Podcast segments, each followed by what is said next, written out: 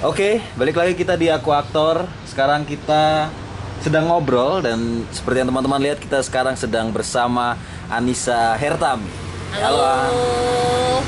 Ya, eh, buat teman-teman yang belum tahu, Anissa Hertam ini adalah salah satu aktris nasional ya. Waduh. Waduh. Amin. Amin. Oke, eh, Anissa mungkin boleh menceritakan sedikit soal perjalanan karirnya sebelum nanti kami akan bertanya beberapa hal. Oke, boleh. Jadi eh, perjalanan karir saya itu awalnya justru dimulai dari belakang layar karena saya bersekolah di Sekolah Tinggi Multimedia MMTC Yogyakarta yang notabene itu adalah sekolah broadcast. Dan di situ aku ambil manajemen produksi siaran. Jadi eh, awal mulanya aku bisa terlibat di dunia seni peran itu adalah justru dari belakang layar dulu tapi waktu itu uh, kakak-kakak kelasku kan memang sering bikin film-film pendek gitu kan film independen untuk tugas kampus atau mereka memang ingin berkarya. Nah suatu ketika aku memang sempat di casting sama mereka dan ternyata waktu itu aku juga dapat peran utama. Aku masih ingat banget itu filmnya judulnya Danyang sutradaranya Mas Dery Prananda. Ceritanya tentang hantu penunggu kampus gitu tapi setelah itu pun aku banyak uh, bergelut sebagai asisten produser, asisten sutradara juga, kemudian menulis naskah juga uh, di berbagai divisi produksi, wardrobe bahkan juga pernah waktu itu. Oke, nah uh, pertanyaan kami yang selanjutnya adalah kita udah mulai masuk ke dunia seni peran yang kamu geluti sekarang. Hmm. Kenapa akhirnya mau bergelut di dunia seni peran? Oh mau. Jadi ini sebenarnya ada ceritanya. Jadi uh, waktu itu memang ya kalau waktu kuliah kan sering dimintain tolong kakak kelas kayak aku nggak mungkin nih dong ya sebagai adik kelas yang baik gitu kayak nolak tuh kayaknya kurang ajar. Nah tapi waktu itu sebetulnya tahun 2011 pertama kalinya aku terjun di dunia film seni peran secara profesional lah katakanlah ada open casting film Sudia waktu itu yang disutradarai Mas Gari Nugroho. Nah, aku dapat informasi ini justru dari temanku. Jadi temanku tuh bilang sama aku gini, Anissa, kamu nggak mau ikut casting? Casting apa? Aku gitu kan. Casting film. Film, iya. Yang dicari tuh muka-muka deso kayak kamu. Oke. Okay. Wajah-wajah Jawa, terus rambutnya panjang. Waktu itu rambutku masih sepunggung gitu kan. Terus aku tanya, film apa sih? Sutradaranya siapa? Film bioskop sutradaranya Gari Nugroho. So aku mikir hah Gari Nugroho? Wah kayaknya aku nggak mungkin lah kalau kepilih. Kamu salah orang. Tapi temen aku tuh kayak uh, memotivasi aku untuk cobalah coba. Siapa tahu ini rezekimu kita nggak pernah tahu. Dan akhirnya pun aku datang casting. Dan nggak langsung kepilih karena itu melalui aku ingat ada sekitar tiga tahapan casting waktu itu. Terus akhirnya tahapan terakhir itu aku datang ke Puskat kan dia produsernya ke Puskat. Aku ingat banget itu ketemu sama Om Landung kalau nggak salah waktu itu juga. Nah dari situ terus barulah ternyata eh, diumumkan aku mendapatkan peran utama wanita di film itu gitu. untuk kali pertama ya. Untuk kali pertama akhirnya kemudian kamu terlibat di film sebesar uh, Sugia ya betul betul. Uh, berarti itu film keberapa sebagai seorang aktor? Kalau sebagai seorang Terhitung film-film yang kecil. Aktor, oh film yang keberapa ya?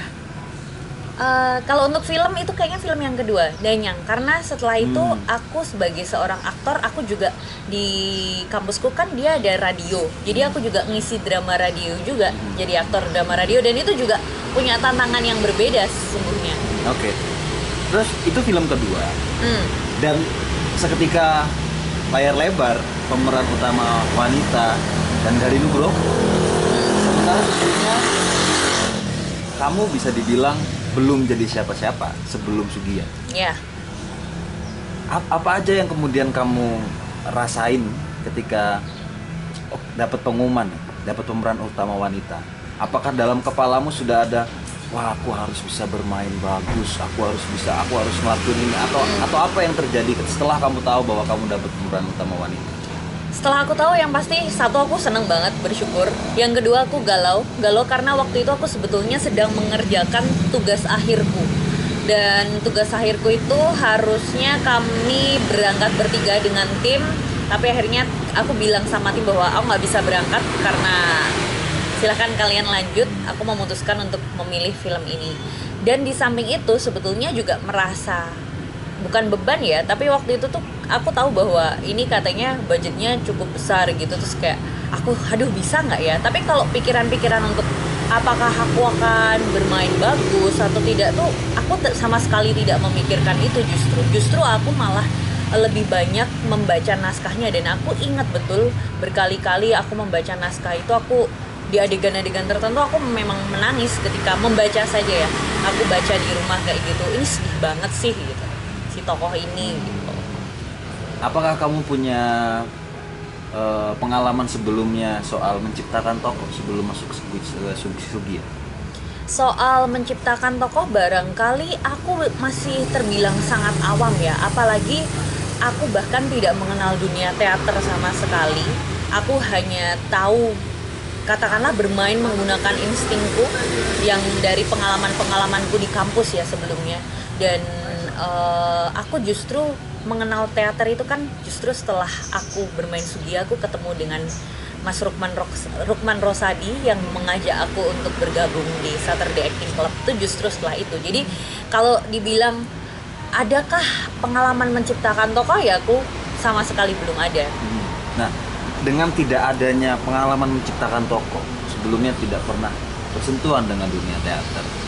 Eh, apa yang kamu lakukan untuk menciptakan tokoh si sorry siapa namanya? Di Mariam. Mariam. Hmm. apa yang kamu lakukan untuk menciptakan? Tanpa kamu tahu apa pun soal bagaimana cara menciptakan tokoh Oke, okay, waktu itu tentu saja aku juga banyak dibantu oleh acting coach ya. Acting coach itu ada Om Landung Simatumpang sama Om Gati Andoko dan juga waktu itu aku juga banyak berdiskusi juga dengan Mas Garin selaku sutradara seperti itu dan kemudian aku uh, mendapat saran untuk misalnya mencari-cari referensi. Seperti yang aku tahu bahwa tokoh Mariam ini dia memang bukan merupakan tokoh real, dia adalah tokoh fiksi, tetapi fiksi yang um, reference pada tokoh sejarah yang memang hadir di masa itu, masa ketika uh, Uskup Sugia di era tersebut ya.